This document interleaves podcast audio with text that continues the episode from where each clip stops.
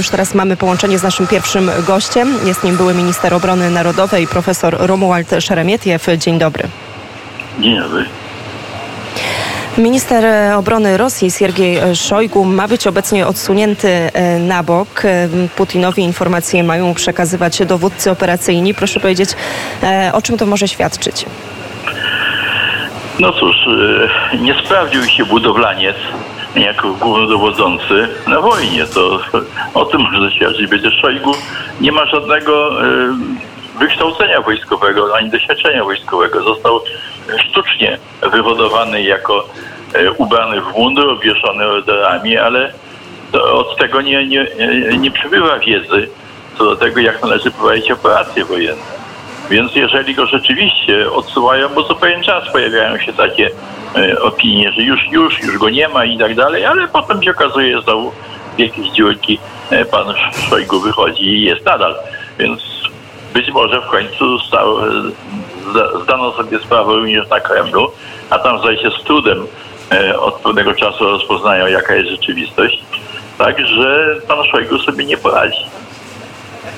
No właśnie, bo y, kilka dni temu oczy całego świata też skierowane były na Rosję w związku z zamachem na e, córkę e, Dugina. Eksperci wskazywali, że to może też, że to mogą być jakieś wewnętrzne rozgrywki, że może nawet dojść do próby usunięcia Władimira Putina. Czy uważa pan, że takie ruchy i takie zamieszanie, które możemy obserwować też w strukturach władzy, mogą świadczyć o tym, że Władimirowi Putinowi jakoś trochę ten grunt usuwa się pod nogami? Znaczy myślę, że Władimir Putin przede wszystkim dba o to, żeby się ten grunt mu się nie usunął, e, bo ja ten e, dziwny zamach e, na pannę, chyba pannę Dugin też odbierałem jako element w tym, co się może usunąć. Otóż sytuacja jest następująca.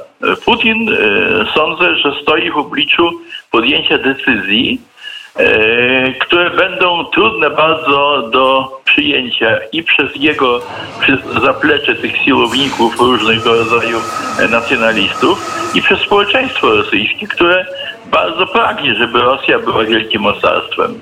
Otóż e, w moim przekonaniu Putin musi dokonać zwrotu takiego, żeby zapanował, przepraszam w cudzysłowie, pokój na Ukrainie, tak żeby można było wrócić do tych kontraktów e, rosyjsko-niemieckich, a co z punktu, e, z racji, że toczy się wojna na Ukrainie, na to Niemcy sobie pozwolić nie mogą, chociaż bardzo tego pragną. No i jeżeli teraz by się okazało, że trzeba się tam na Ukrainie cofnąć, e, powiedzieć, no, że nie wiem w jaki sposób, że się nie bardzo udało, że tu ważniejsze rzeczy są to, to, to żeby matuszka Rosja jednak mogła sprzedawać tę ropę i gaz i żeby na tym zarabiać, bo inaczej e, to potęgi rosyjskiej nie będzie. No, no to oczywiście wszyscy ci, którzy są zaangażowani e, w tę wojnę na Ukrainie, będzie się to bardzo nie podobało.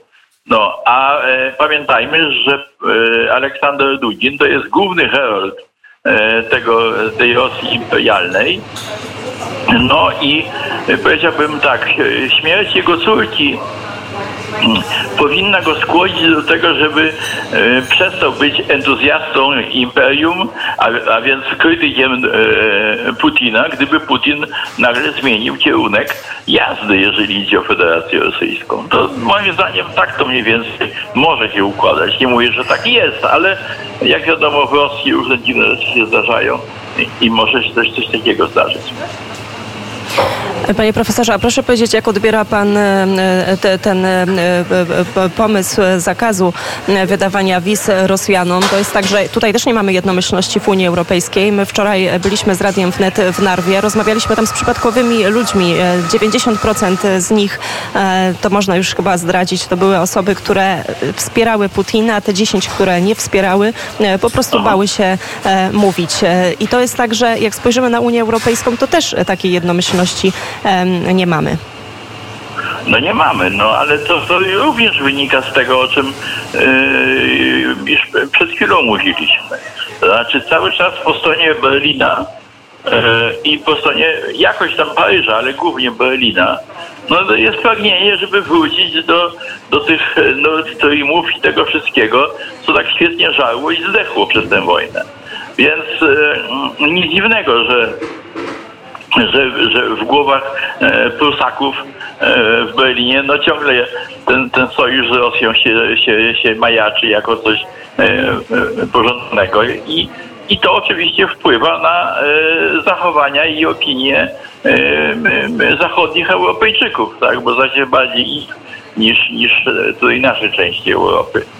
Tak, oni się, no, są straszeni w tej chwili, tak, że będzie, no jest inflacja, e, rosną ceny, e, będzie zimno w chałupie, może i prąd wyłączą, no i tak dalej, i tak dalej, no. Więc no, co ta Ukraina? No niech właśnie zrozumie, że w interesie dobrobytu i, i ciepła w domach zachodnioeuropejskich e, powinna skapitulować. No właśnie, panie profesorze, ale wszystko wskazuje na to, że Ukraina nie skapituluje, a z drugiej strony Tak. też e, widzimy, że Rosja e, raczej też się nie cofa. I jak pan myśli, tu pojawiły się takie komentarze, że ta wojna nie zakończy się na polu walki, że to musiałaby być decyzja polityczna. Czy pan zgodziłby się z taką tezą? Ja myślę, że e, Putin szuka takiego rozwiązania.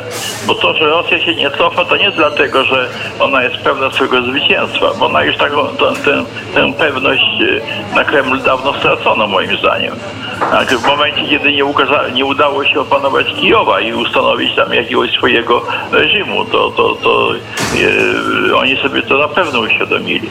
Natomiast e, jest oczywiste, że, że chcą, powiedziałbym, wyjść z, tego, z tej awantury, e, wynosząc no, jakiś łup większy niż mieli przedtem.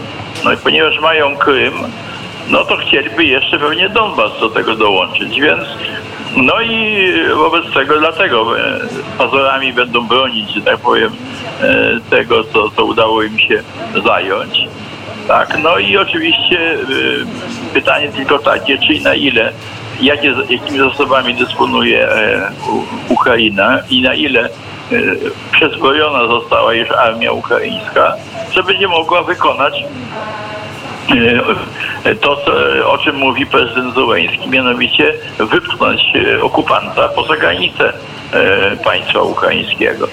Więc to tylko to jest taka wątpliwość i jest, jest takie pytanie.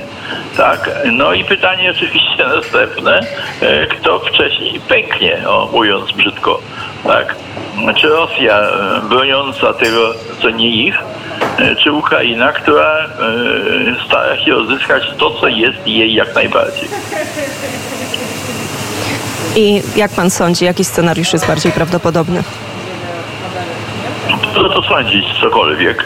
Jakkolwiek e, wiemy, że e, były w historii sytuacje, kiedy Rosja, która zawsze była wielkim państwem i wydawało się, że ma ogromne siły, że przegrywała z teoretycznie słabszymi przeciwnikami. Nie wspomnę nasz 20 rok, ale e, można przypomnieć wojnę 1905 roku Rosja-Japonia tak? Czy no, wojnę w, jakie, w jaki sposób e, Rosja, tak powiem, e, zakończyła swoją e, misję pokojową w Afganistanie. Tak? E, z skulonym ogonem e, musiała, musieli się Rosjanie wycofać, Sowieci wycofywać. Więc wiele było w historii Rosji sytuacji, w których ona właśnie takie wojny przegrywała. I w moim przekonaniu przegra również wojnę na Ukrainie.